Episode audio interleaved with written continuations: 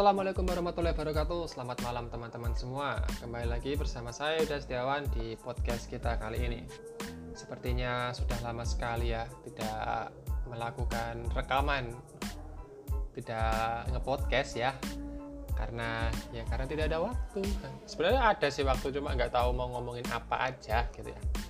Oh ya teman-teman uh, Bagi kader-kader PI di mana pun berada Hari ini saya ucapkan Selamat Hari Bangkit Pelajar Islam Indonesia ke-74.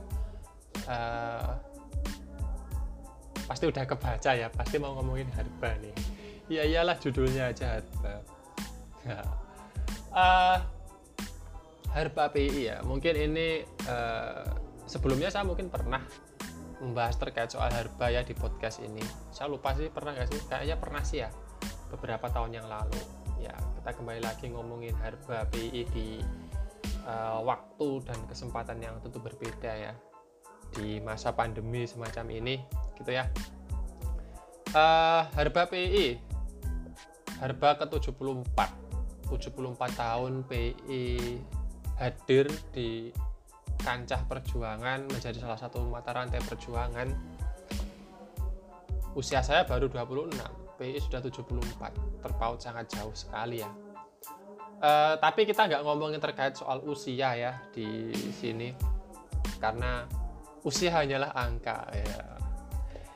Uh, jadi pertanyaan sih bagi saya kemarin uh, ini banyak rame ya bersebaran tweet tweetbon apa sih tweetbon ya? Tweetbon di sosial media. Bangga jadi kader PI 72 tahun uh, 74 tahun bergerak berjamaah saya apa ya banyak yang saya pikirkan terkait soal harba ini. Selain merefleksi merenung juga terkait soal uh, apa ya slogan itu sendiri bergerak berjamaah. Btw sebelumnya disclaimer dulu di depan seperti biasa. Jadi karena saya tidak menyusun skrip sebelumnya dan uh, hanya spontanitas aja melakukan perekaman mungkin banyak ae ae ataupun kata-kata yang uh, tidak tertata ya karena saya tidak menyiapkannya sebelumnya dan spontanitas aja bikin podcast gitu ya.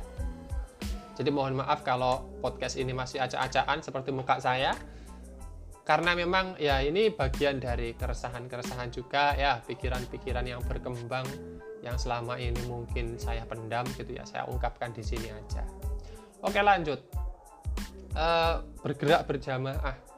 Yang pertama yang ingin saya sampaikan adalah saya tidak merasa apa ya keberatan enggak sih bergerak berjamaah itu bagus. Karena memang sejatinya PI itu pemersatu umat dan memang ya kita harus e, bergerak bersama-sama gitu. Tapi dari dulu ya dari dulu saya kenal PI itu 2011 2012 saya gabung di PI saya selalu di, dikenalkan dengan slogan itu tandang ke gelanggang walau seorang. Apakah bergerak berjamaah ini menggantikan slogan? Eh slogan, slogan itu tandang ke gelanggang walau seorang gitu kan? Saya nggak tahu apa maksudnya gitu kan. Ya mungkin tidak menghilangkan esensinya, cuma saya ngerasa slogan tandang ke gelanggang walau seorang itu mungkin bagi sebagian kader PI sudah tidak relevan. Kita harus masanya kolaborasi kolaborasi. Bagi saya tandang ke gelanggang walau seorang ini merupakan sebuah uh, apa ya nilai tersendiri gitu loh bahwa kader PI itu dicetak bukan untuk kader yang kalau bahasa Jawanya itu geruda gerutuk ya. Geruda gerutuk itu apa sih? Kader geruda gerutuk gitu loh. Saya pernah mendengar istilah ini dari mana ya? Kader geruda gerutuk artinya kader yang cuma uh, suka rame-rame tok gitu loh. Suka suka ya kumpul-kumpul rame-rame kayak gitu-gitu gitu kan Padahal tanda kegelanggang walau seorang ini adalah sebuah nilai di mana kader PI secara personal itu memiliki keberanian, memiliki kemampuan, keberanian, kemudian kesadaran ya, dan keinsyafan atas sebuah kondisi masyarakat. Dia sadar kondisi masyarakat tuh kayak gini. Terus siapa yang bisa mengubah itu gitu kan? Nah, kader PI ini mempunyai nilai kalau bukan saya siapa lagi gitu loh. Nilai agen uh, agen of change itu di sini gitu loh. Agen perubahan itu di sini di, di tandang kegelanggang walau seorang ini. Dan saya merasa pendapat pribadi saya slogan ini sudah kayak kayak sudah jarang lagi digaungkan gitu loh. Mungkin hanya sebagian alumni alumni PI yang ya tahun 2010 ke bawah lah kalau boleh saya bilang ya yang masih menggunakan slogan tandang ke gelanggang walau seorang ini. Dan saya merasa beda aja gitu loh orang yang memaknai slogan ini tuh eh, beda gitu loh. Orang yang memaknai slogan ini dengan baik dia memiliki keberanian gitu loh. Apa-apa tuh kalau menghadapi sebuah realita atau sebuah kondisi dia istilahnya kalau bahasa Jawanya lagi ya tatak hatinya itu. Tatak itu siap gitu loh siap dan berani gitu untuk menghadapi masalah yang ada di depan mata. Bukan masalah sih sebenarnya. Orang yang memaknai slogan ini menghadapi masalah itu adalah tantangan bagi dia bukan masalah gitu dia melihat ini tantangan untuk diri saya minimal untuk dirinya sendiri gitu. Menantang dirinya sendiri untuk bagaimana menyelesaikan masalah itu. Berani sendiri gitu loh tandang ke gelanggang meski seorang. Kemudian rame terdengar e, bergerak berjamaah. Bagus memang kita harus benar-benar mempersatukan umat dengan cara yang real gitu. Tetapi apakah esensi dari tanda ke gelanggang walau seorang itu masih tetap ada? Apakah jangan-jangan kader PI itu apa ya saya bisa bilang aduh saya bingung sih me, me, apa menerjemahkan dalam bahasa Indonesia itu. Kata dalam bahasa Indonesia itu sulit saya ungkapkan. Kalau bahasa Jawa itu artinya cugetan. Tahu cugetan itu bukan pengecut bukan. Cugetan itu kayak ya orang yang nggak berani gitu loh. Orang yang kalau ada apa-apa tuh dia nggak berani maju duluan gitu. Dia nggak berani me me menyediakan dirinya.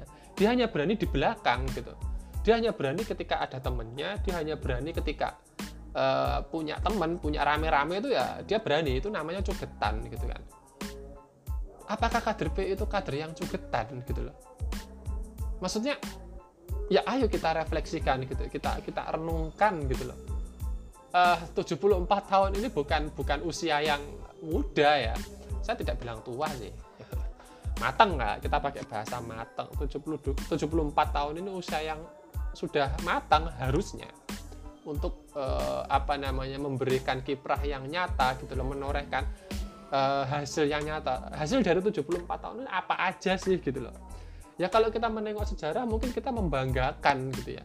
Membanggakan eh, apa namanya eh, orang-orang yang terdahulu yang yang keren-keren yang sekarang berada di jajaran pemerintah pusat yang menjadi orang-orang hebat menjadi orang-orang terkenal dan sebagainya itu kalau kata ketua umum PWPI Jatim itu namanya euforia abadi. Kita hanya bangga dengan pencapaian orang lain pencapaian kader PI lain. Sedangkan kader PI saat ini ya gitu gitu. Jangan kan kita mau bikin prestasi gitu kan. Istilahnya masih sering saya temukan istilahnya ya bahwa uh, kader PI yang dalam tanda kutip istilahnya menyukai hobi yang di luar apa yang seharusnya seorang muslim atau muslimah itu lakukan contoh misalkan uh, apa ya misalkan ada kader PI Wati nih yang suka menari ya menari tarian tradisional gitu itu bagi sebagian kader PI ataupun alumni-alumni PI itu dianggap tidak pantas. Masa PI Wati menonjolkan dirinya apa menampakkan uh, istilahnya di, dilihat oleh orang banyak, dilihat oleh orang yang bukan muhrimnya, berlenggak-lenggak dan sebagainya. Saya tidak mengatakan pemikiran itu salah ya, ada benarnya dia ngomong seperti itu, mereka seperti itu, beliau-beliau seperti itu ada benarnya. Cuma itu salah satu pencapaian gitu loh. Bahwa kader PI ini juga apa namanya tidak tidak abai terhadap budaya gitu kan itu kan salah satu budaya kecuali kalau tariannya tarian ngedance ala ala TikTok gitu jangan kan kader PI saya pun saya blok itu namanya ya nggak bercanda saya cuma ya kalau TikTok ya jangan lah ya ya kali rek masa prestasi goyang apa tari tari apa tari TikTok. Ya Allah apa gitu. Ya kalau tarian tradisional istilahnya dia punya prestasi itu terus dia mendapatkan pengakuan atas itu itu kan bagus gitu loh. Kenapa harus kita kritik uh, secara apa ya secara bukan ngawur sih secara tajam. Sehingga dia jadi minder gitu loh. Orang-orang ini ah, aku suka seperti itu tapi di PI tidak difasilitasi tidak mendapat dukungan. Ya akhirnya apa? Mundur gitu kan ya. Terus ada lagi kayak misalkan uh, saya melihat banyak juga ya anak-anak PI atau kader-kader PI baik yang masih di kepengurusan maupun yang sudah purna mungkin memiliki ideologi dalam tanda kutip ya ideologi yang berbeda gitu. Dalam arti ya istilahnya saya sebutkan aja misalkan ada yang pernah bilang itu kader PI itu si ah gini-gini tahu dari mana dia si ah gitu kan. Dia si A atau pendukung si A gitu loh. Atau dia hanya uh, istilahnya setuju dengan beberapa pendapat dari ulama Syiah misalkan. Kan itu hal yang berbeda gitu loh. Istilahnya apa ya? Saya merasa saya, saya tidak memahami dalil-dalil seperti para ustadz ustazah gitu ya atau kader-kader PI lebih paham agama. Cuma saya menilai kader PI yang istilahnya punya pemandangan atau pemikiran yang berbeda atas sebuah kasus ataupun ideologi itu bukan berarti itu jadi masalah gitu loh. Kan ada ruang diskusi. Bukankah kader PI itu adalah kader yang suka diskusi gitu kan? Kenapa kita cenderung memberikan batasan terhadap orang-orang seperti ini gitu kan? Oh dia ini dia ini dia begitu jangan didekati dan sebagainya. Lah lantas apa gunanya gitu loh kita di Batra itu dilatih untuk berdebat berdiskusi apakah ini salah apakah itu benar kita dilatih gitu loh untuk berpikir di mana tempat itu ketika kita menjat seseorang, menghakimi seseorang atas apa yang ia yakini tanpa kita mendiskusikan hal itu dengan benar. Itu beberapa contoh gitu ya. 74 tahun ini apa ya dibilang matang ya harusnya emang matang tetapi masih banyak sekali hal-hal yang harus kita tuh renungkan gitu loh. Apakah PI ini sudah sesuai dengan jalurnya atau makin ke sini makin jauh gitu? Kalau dibilang uh, eh, PI zaman dulu lebih baik dari zaman kita ya bisa jadi gitu kan. Orang-orang saya lihat orang-orang PI zaman dulu agamanya bagus prestasinya bagus jadi orang pinter sekarang.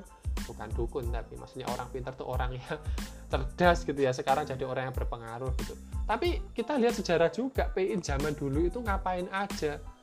Kalau teman-teman baca buku pilar dasar kebang uh, pilar dasar kebangsaan lagi. Pilar dasar gerakan PII ya kalau tidak salah namanya. Itu uh, zaman dulu saya kurang tahu lupa ya tahunnya kapan. Itu PI Wati dulu pernah uh, mendesain seragam olahraga atau seragam renang gitu saya lupa untuk muslimah ini kan menunjukkan bahwa PI itu tidak buta terhadap budaya gitu loh. Dan tidak buta terhadap prestasi. Sampai uh, mendesain baju olahraga ataupun baju uh, renang untuk muslimah itu kan sebuah pikiran yang berkembang bahwa ini tuh harus difasilitasi dan diislamkan gitu loh. Bukan bukan kita kayak membuat sebuah batasan-batasan blok-blok tertentu yang kalau yang nggak begini salah kalau kayak gitu. Apa bedanya kita dengan orang-orang yang mudah sekali mengkafirkan gitu loh. apakah PI organisasi yang seperti itu? Kan tidak. PI itu adalah pelajar Islam Indonesia. Sedangkan Islam di Indonesia ini banyak ya kalau emang kita mau spesifik ya bikin aja pelajar Islam Salafi misalkan. Atau pelajar Islam Muhammadiyah udah ada IPM ya. Atau ikatan pelajar NU ya seperti itu kalau emang mau bikin secara khusus kalau mau bikin uh, istilahnya ikatan pelajar tertentu ya bikin aja itu Ibnu IPM ya Persis itu gitu mereka khusus. NU ya NU Muhammadiyah ya IPM gitu. Tapi PI ini universal gitu loh. Yang NU juga ada Muhammadiyah juga ada Salafi juga ada, golongan orang-orang yang beraliran Islam mohon maaf agak keras pun juga ada seperti yang saya bilang tadi kan termasuk yang seperti itu gitu loh. Bahkan saya harus mengakui bahwa di PI juga ada orang-orang yang liberal. Orang-orang yang pemikirannya tuh ya apa ya agak menyimpang lah ya. Yang sosialis, yang semi-semi komunis juga ada. Nah, yang jadi pertanyaan adalah kalau kondisi PI itu seperti itu gitu kan apakah kita itu harus uh, saya ganti pertanyaannya kan kita harus bagaimana gitu loh ini realita gitu loh. Nggak, nggak mungkin nggak cuma sekarang. Zaman dulu mungkin juga sudah ada ya. Hal-hal semacam ini. Nah tetapi PI tetap bertahan gitu loh. Kenapa uh, kita itu tidak bisa berpikir yang fleksibel gitu ya. Berpikir yang uh, dinamis gitu kan. Yang humanis terutama ya. Yang istilahnya kita memberikan apresiasi gitu loh terhadap pencapaian-pencapaian kader PI. Oh iya, ngomongin soal apresiasi. Saya nggak tahu sih di wilayah lain tuh kayak gimana. Saya kan dari Jawa Timur ya. Ya ini otokritik juga sih terhadap PI, bukan cuma saya PI Jatim kemudian mengkritik PI Jatim menyebarkan IP Jatim. Enggak, saya yakin di luar wilayah Jawa Timur ataupun eh, PI di mana pun di Indonesia ini ataupun di luar negeri juga sama gitu loh kita itu sangat minim memberikan apresiasi kepada kader PI yang berprestasi apa pun prestasinya gitu loh maksudnya kayak yang tadi ya soal PI Wati yang suka menari atau eh, eh, anak-anak PI yang suka musik anak-anak PI yang memiliki apa ya bakat-bakat yang mungkin bagi sebagian orang itu tidak sesuai dengan Islam. Ya kalau tidak sesuai dengan Islam itu di bagian mananya kan ada sekali lagi ada forum diskusi gitu loh. Ada forum di mana kita bisa membicarakan itu. Ya beberapa waktu yang lalu ya eh, tahun 2000 berapa sih? 18 atau 19 ya SDPN di Bandung. Ya mungkin bagi teman-teman yang pernah mengikuti event SDPN di Bandung ya pembukaannya tuh kayak gimana itu kan mendapatkan kritik. Istilahnya apa ya? Kan ya saya tidak menyalahkan gitu loh. Tetapi cobalah kita berpikir terbuka gitu loh.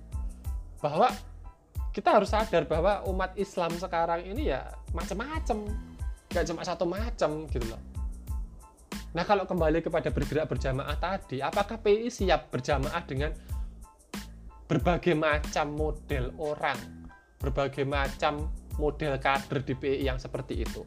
Apakah kita jangan-jangan bergerak berjamaah itu hanya untuk golongan-golongan tertentu aja? Maka saya pertanyakan gitu loh bergerak berjamaah ini tuh konsep yang kayak gimana? Apakah slogan syukur keluar aja gitu bergerak berjamaah? Atau kita harus kolaborasi dengan organisasi pelajar lain kayak IPNU IPM dan sebagainya ini saya lebih mengkritisi lagi kalau seperti itu tapi tidak saya sampaikan di sini di ya nantilah di podcast yang lain kenapa kok saya tidak terlalu sepakat dengan istilah kolaborasi itu ya bukan berarti itu saya nggak suka kemudian jangan gitu enggak boleh silahkan tetapi kenapa saya tidak sepakat itu nanti. Yang ingin saya sampaikan adalah terkait soal uh, harba ini sendiri gitu loh. Saya ingin merefleksi lagi perkembangan PI selama 74 tahun ya. Itu sejauh apa gitu loh. Baik di tingkat komisariat, daerah, wilayah maupun di tingkat pengurus besar gitu ya. Soal Twibbon, saya keinget sih soal Twibbon. Ya, apa ya? Uh, memang sepele sih hal seperti, uh, seperti ini ya mau membuat twibbon memasang foto kita uh, untuk menunjukkan bahwa saya bangga jadi kader PI gitu ya terus memposting twibbon itu gitu tetapi ada juga kader PI yang istilahnya ya ya masa bodoh lah dengan itu ya, ya saya nggak tahu siapa yang dia pikir mereka mereka ini pikirkan nggak tahu.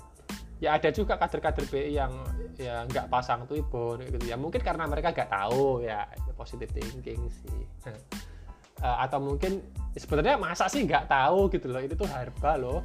Hampir semua kader PI itu ngomongin harba loh gitu loh. Istilahnya saya bertanya-tanya gitu loh dalam benak para kader PI yang ya mungkin ini persoalan twibbon ya sepele tapi bisa jadi hal sepele ini juga bisa terjadi gitu loh di, di hal-hal yang lain. Kayak misalkan ini kan terkait soal semarak ya.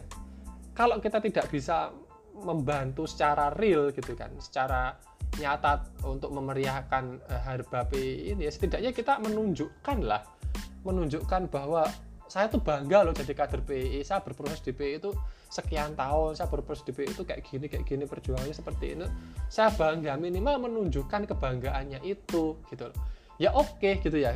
Hal seperti itu tidak perlu ditunjukkan cukup dilakukan. It's okay itu benar sekali saya suka itu. Tetapi dari mana orang tahu gitu loh di masa sekarang loh ya yang hampir semua orang tuh melihat berita juga dari media gitu ya media sosial ataupun media elektronik dan sebagainya. Orang melihat gitu loh. Dari ini tuh oh ternyata si anak itu ada ada ketertarikan ada minat ke sini gitu. Sekali lagi ini sepele soal Twibbon. Banyak juga kader PI yang tidak tidak istilahnya enggan ya mungkin enggan untuk memposting Twibbon uh, foto dirinya dengan ucapan-ucapan selamat PI dan sebagainya. Ataukah mungkin nggak tahu mau bikin caption apa dan sebagainya. Atau banyak juga kok kader PI yang cuma masang foto di Twibbon cuma diposting nggak dikasih caption banyak juga. Tapi ini kembali lagi maksud saya adalah apa ya? Ini tuh kebanggaan gitu loh.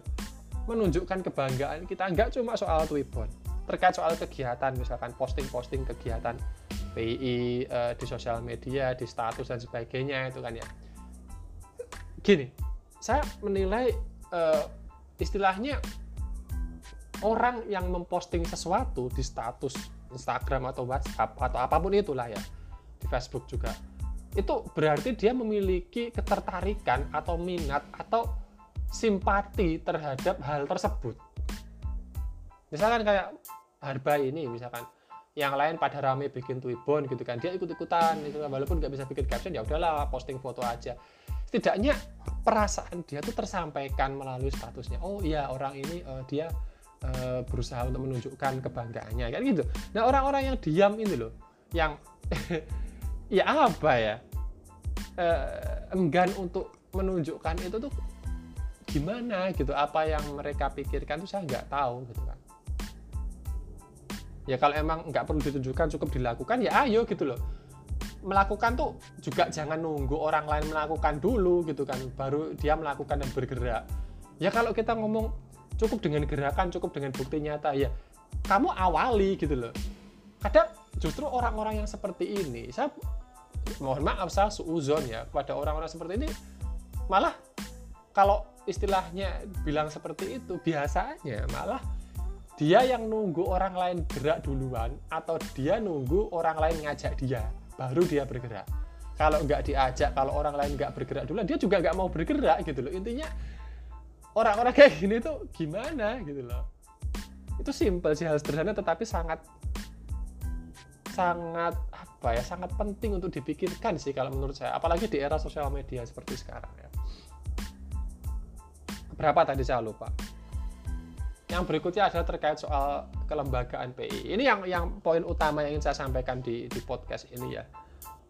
Uh, peduli sih berapapun usia PI gitu ya.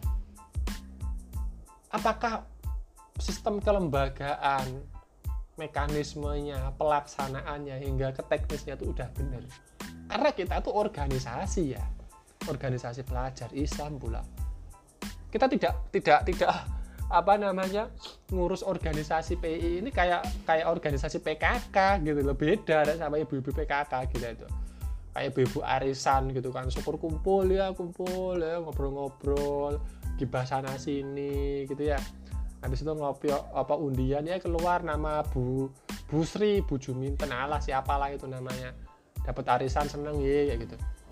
Enggak rek kita enggak kayak gitu gitu loh paham maksud saya. PI itu jangan hanya dijadikan sebagai organisasi yang seperti itu gitu loh. Kita tuh organisasi tetapi kegiatannya coba kumpul-kumpul makan-makan kumpul-kumpul main-main. Ya boleh itu boleh. Ya memang bagian dari kegiatan boleh. Tetapi kita harus paham juga bahwa mekanisme atau sistem kelembagaan di PI itu harus berjalan di atas di apa di atas sebuah hal yang konkret. Apa ya? Itu konstitusi kita paham nggak konstitusi gitu loh. Kita bergerak di PI ini kita tahu nggak konstitusi PI itu ngomong apa gitu kan. Jangan-jangan kita bergerak tuh karena senior saya dulu juga begitu. Ya ini lah ya apa gitu. Ya kalau seniornya dulu tuh bergerak dia paham konstitusi kemudian dia e, menerjemahkan itu supaya mudah dipahami dengan dengan kegiatan dengan gerakan terus pokoknya ikut gitu ya bisa jadi. Tetapi kalau seniornya juga nggak paham konstitusi ya terus gimana? Ya kan saya di Madiun ya. Ya mungkin periode saya di PI dulu waktu awal-awal zamannya apa namanya Mas Rido ketua umum dan Mas Kori ketua umum mungkin jarang sekali kita ngomongin soal konstitusi. Bahkan mungkin nggak pernah deh saya tidak ingat. Tetapi setelah saya dewasa setelah saya maksudnya setelah saya mencapai pengurus wilayah dan belajar konstitusi secara mendalam saya baru sadar bahwa dulu itu PD saya di zaman itu itu konstitusional banget. Walaupun kami semua saat itu tidak merasakannya. Gitu loh. Kegiatannya itu benar-benar berdasarkan konstitusi gitu loh. Kita pembu apa kegiatan kumpul rutin aja kita sesuai dengan PPA loh saat itu. Walaupun saya nggak tahu dulu itu PPA itu apaan ada RT apaan nggak paham kita semua itu.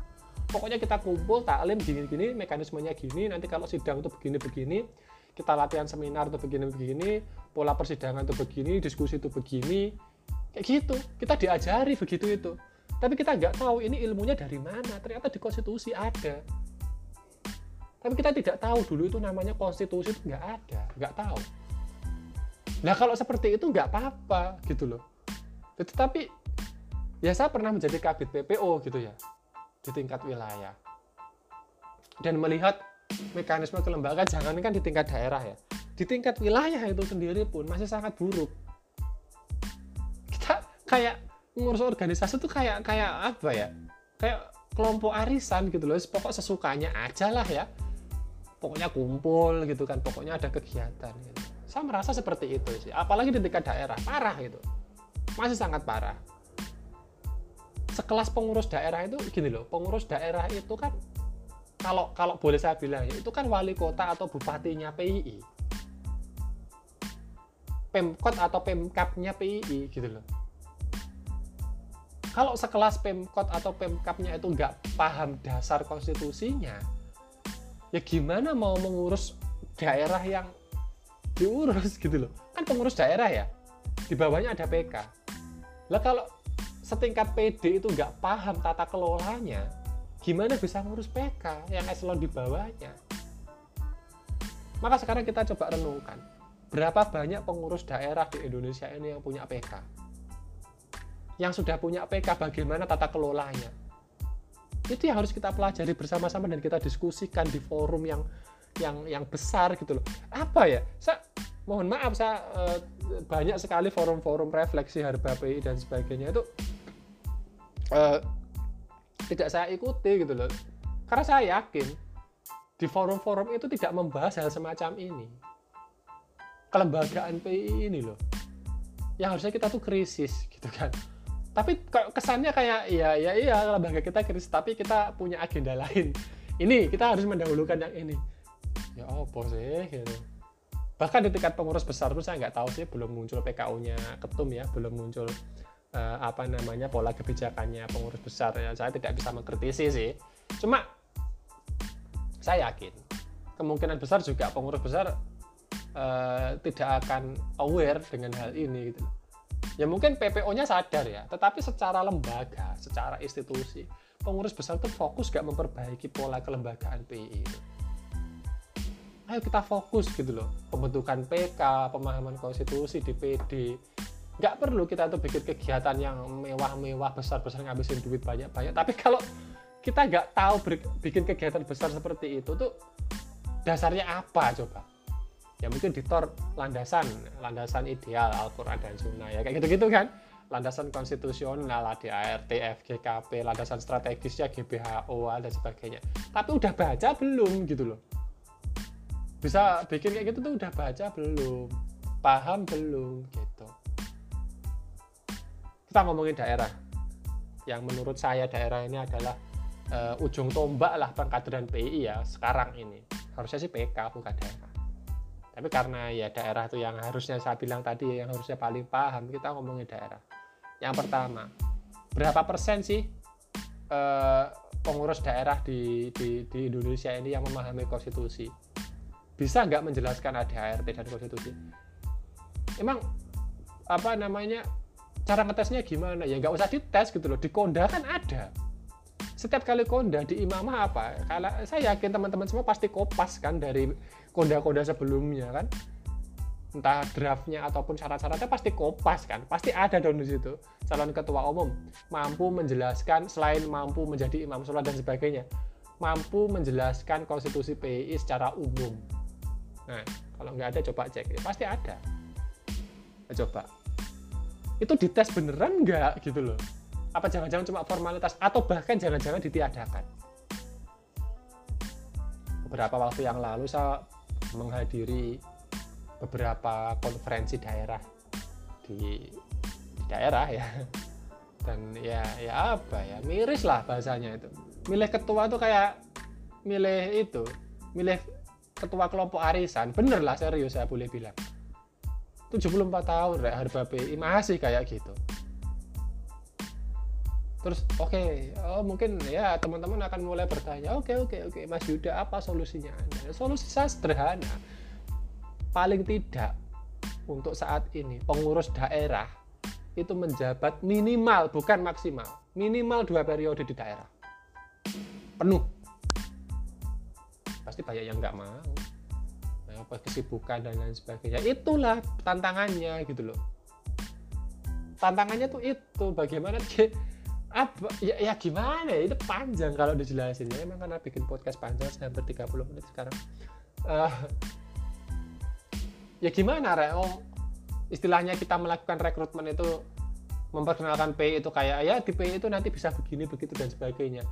Ya iya itu dikenalkan. Cuma harus diberikan penegasan juga bahwa PI itu organisasi kita tuh bergerak atas dasar konstitusi begini begitu dan sebagainya supaya kader PI yang bergabung itu sadar diri gitu loh.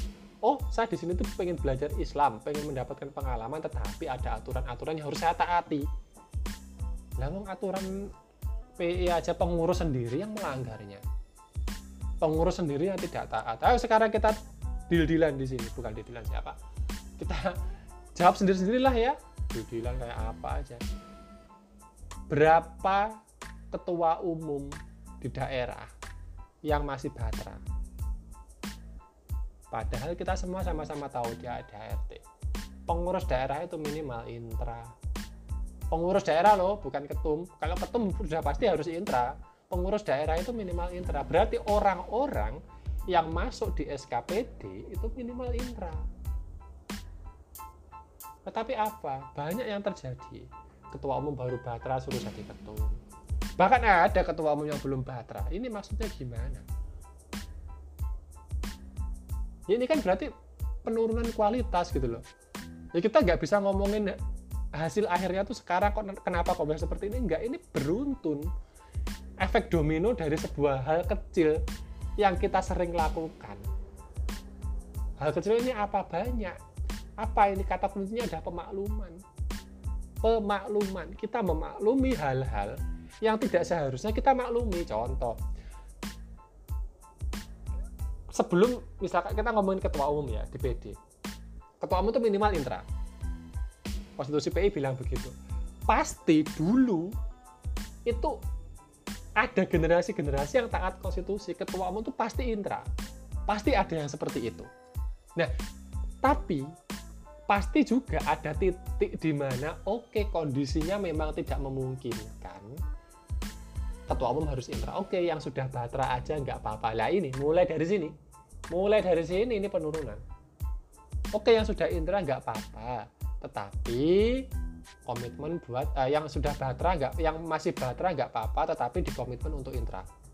Oke, jaminannya apa dia berangkat intra? Nggak ada jaminan. Coba. Ya walaupun ada sih yang benar-benar berangkat terus jadi ketua umum sudah intra dan sebagainya. Saya pun juga demikian. Dulu saya jadi ketua umum PD itu juga masih batra tapi saat itu saya belum paham konstitusi. Kalau saya paham saya nggak mau itu. Saya baru menyadari itu setelah selesai intra. Saya jadi ketua umum saya berangkat intra di Banyuwangi 2017 itu. Saya baru menyadari oh ternyata di konstitusi itu ketua umum minimal intra tapi kenapa di imamah apa konda ditulis minimal batra tetapi kan kondisinya seperti itu, Mas. Tidak ada lagi orang. Lah, kenapa Anda membiarkan kondisi itu terjadi? Kenapa tidak dikomitmen masing-masing orang itu, ayo kita ngurus PI itu minimal dua periode. Oke, satu periode persiapan, periode berikutnya langgek tenanan. Baru serius. Berangkat intra di periode satu, periode dua itu sudah intra semua. Di periode kedua ini mempersiapkan orang-orang untuk berangkat batra, kemudian dipersiapkan berangkat intra jadi penerusnya. Terus seperti itu coba kita mikir. Tapi apa? Kita memaklumi kondisi gitu loh. Orang-orang yang banyak alasan itu kita pelihara. Dalam tanda kutip dipelihara. Oke, nggak apa-apa, gini, gini, gini. Ya iya, itu lama-lama dia akan hilang. Saya jamin itu. Orang-orang yang seperti ini gitu loh. Yang banyak alasan, nggak mau berangkat intra karena ini, itu, dan sebagainya. Paling klasik masalah orang tua. Ini masalah yang paling tidak bisa dibantah. Masalah orang tua nggak diizinin orang tua. Emang lemah sih. Maaf ya saya ngomong seperti ini. Nah ya saya tahu sih setiap orang beda-beda gitu. Tapi ya saya kembalikan aja sih ke masing-masing diri teman-teman gitu loh ya kalau emang teman-teman memaklumi hal seperti itu ya jangan minta PD kalian maju gitu loh. Jangan minta kepengurusan kalian berkembang. Lah kalau orang-orangnya aja lembek semacam itu. Pasrah dengan kondisi gitu nggak mampu mengupayakan lebih. Ada masalah dikit dan nggak bisa hadir. Ini gimana gitu. Gitu minta kepengurusannya berkembang ya kalau mau berkembang ya masing-masing orang ya terutama ketua umumnya. Itu pikiran jiwa raga tenaga harta itu untuk kepengurusan itu gitu loh. Terus gak usah mikirin organisasi lain dan kalau bisa saya boleh kalau saya boleh bilang ya udahlah pengurus itu nggak usah ikut organisasi atau komunitas lain cukup di PII kalau merasa memang butuh komunitas itu bikin sendiri di PII nanti kalau ada KB yang protes lo kok ada komunitas ini begitu? dan sebagainya. Lah ini kepengurusan kami kok ngapain ikut-ikut? Gitu aja kenapa? KB KB gitu loh. Berani nggak coba? Tapi teman-teman kayak gitu. Nggak berani ambil langkah seperti itu. Maunya ikut yang instan gitu. Ikut komunitas yang udah rame ikut organisasi yang udah rame merasa terfasilitasi merasa eksis di sana. Yang dicari cuma eksistensi kok bukan perjuangan yang namanya perjuangan itu jalan yang sunyi gitu loh. Perjuangan itu jalan yang sepi jalan yang sunyi. Jarang orang berada di situ.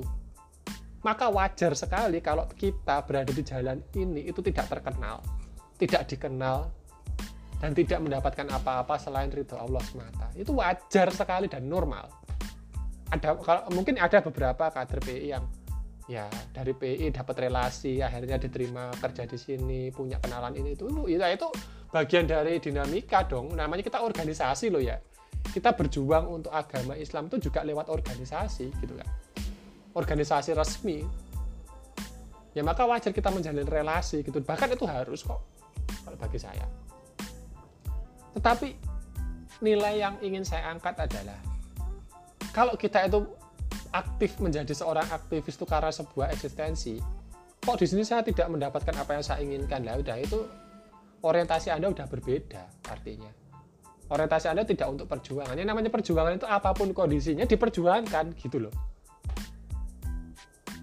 harga 74 74 tahun BI ini masih seperti itu dan akan terus ada saya yakin orang-orang seperti ini pengurus-pengurus yang seperti itu, kondisi yang semacam ini akan terus ada. Apakah ini sesuatu hal yang memang tidak bisa dihindari? Bisa dihindari. Apabila masing-masing dari kita itu sadar bahwa ayo wes ngurus PI itu ayo loh, itu loh, gak usah ngurus liane, opo oh sera. Orang PI aja lo belum kelar kita tuh. Kenapa ngurus organisasi lain? Organisasi lain udah besar IPNU udah besar, ada NU. IPM udah besar, ada Muhammadiyah. Ngapain ngurus mereka? Urus PII ini loh. Yang lahir yatim piatu dari apa namanya rahim umat Islam. Kita hidup tuh dari umat Islam ya. Kalau IPNU kan hidup dari NU, IPM kan hidup dari Muhammadiyah. Ya mungkin habis ini saya diserang anak NU, apa anak IPNU atau anak IPM ya masa bodoh saya emang nyatanya begitu kok. Coba mereka tuh suruh hidup di PI itu ngembangin PI kayak kita ini ya kondisi kayak gini nggak mampu itu pasti mau apa apa terfasilitasi dan kita kita mikirnya tuh coba kayak gitu gitu loh kalau kita, bukan kita siapa lagi yang mengembangkan wadah ini bergerak berjamaah. Apakah yakin kita itu bergerak berjamaah untuk kepentingan umat atau untuk kepentingan masing-masing organisasi? Kolaborasi kolaborasi itu tuh kenapa kok saya tidak suka? Saya bilang tadi kan saya kurang suka itu apa? Ya karena masalah itu. Siapa yang bisa jamin masing-masing organisasi itu tidak nyari eksistensi masing-masing? Mau mereka masanya lebih banyak. Lah kita apakah kita kolaborasi itu untuk numpang nama ke mereka? Kembali lagi jalan juang ini sepi gitu kan kalau kita mau nyari eksistensi kita bangun sendiri sesedikit apa pun sesederhana apa pun yang kita buat atau yang kita bikin itu jauh lebih baik daripada kita numpang pada orang lain. Sekali lagi yang terakhir ya. Ini adalah pendapat pribadi saya dan ini apa yang uh, apa ya unek-unek saya ya di Harba ini euforianya itu begitu terasa tetapi saya merasakan sesuatu yang lain gitu loh intinya. Saya memikirkan sesuatu yang lain di balik euforia ini. Yaitu yang saya sampaikan selama 40 menit ke belakang ini yaitu. Sekali lagi yang terakhir yang terakhir banget ini. Semoga apa yang kita cita-citakan semua itu benar-benar terrealisasikan. Jangan minta jangan menuntut macam-macam kalau kita tidak mampu untuk menggerakkan diri kita mengubah itu. Jangan minta ujian itu dimudahkan tetapi mintalah pundak kita tuh dikuatkan mintalah diri kita tuh dikuatkan untuk menghadapinya. Terakhir saya ingin mengutip sebuah pernyataan dari Buya Hamka. Salah satu pengkerdilan terkejam dalam hidup adalah membiarkan pikiran yang cemerlang menjadi budak dalam tubuh yang malas yang mendahulukan istirahat sebelum lelah. Semoga kader-kader PI bukan menjadi orang yang uh, dikerdilkan ya oleh dirinya sendiri.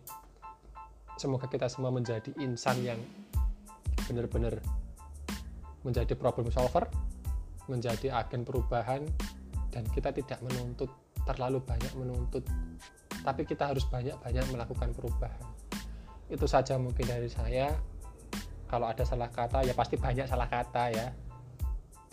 Mohon uh, pengertiannya saya yakin juga juga tidak ada yang memaafkan. Tapi tolong dimengerti bahwa apa yang saya sampaikan ini tidak berasal dari uh, apa ya egoisme. Eh ya kayak egois itu seolah-olah kalau saya pengen aku tuh pengen gini gitu pengen mendapatkan ini pengen enggak saya cuma ingin bahwa PI ini tuh menjadi jaya lagi seperti masa-masa dulu gitu loh dengan kondisi dan konteksnya seperti sekarang itu aja mungkin dari saya terlalu lama nanti. Kuotanya juga habis. Hmm teman-teman juga males dengerin kan nggak sampai selesai Oke, sekian dari saya. Uh, Wabillahi wafiq ila Assalamualaikum warahmatullahi wabarakatuh. Sampai ketemu di podcast selanjutnya.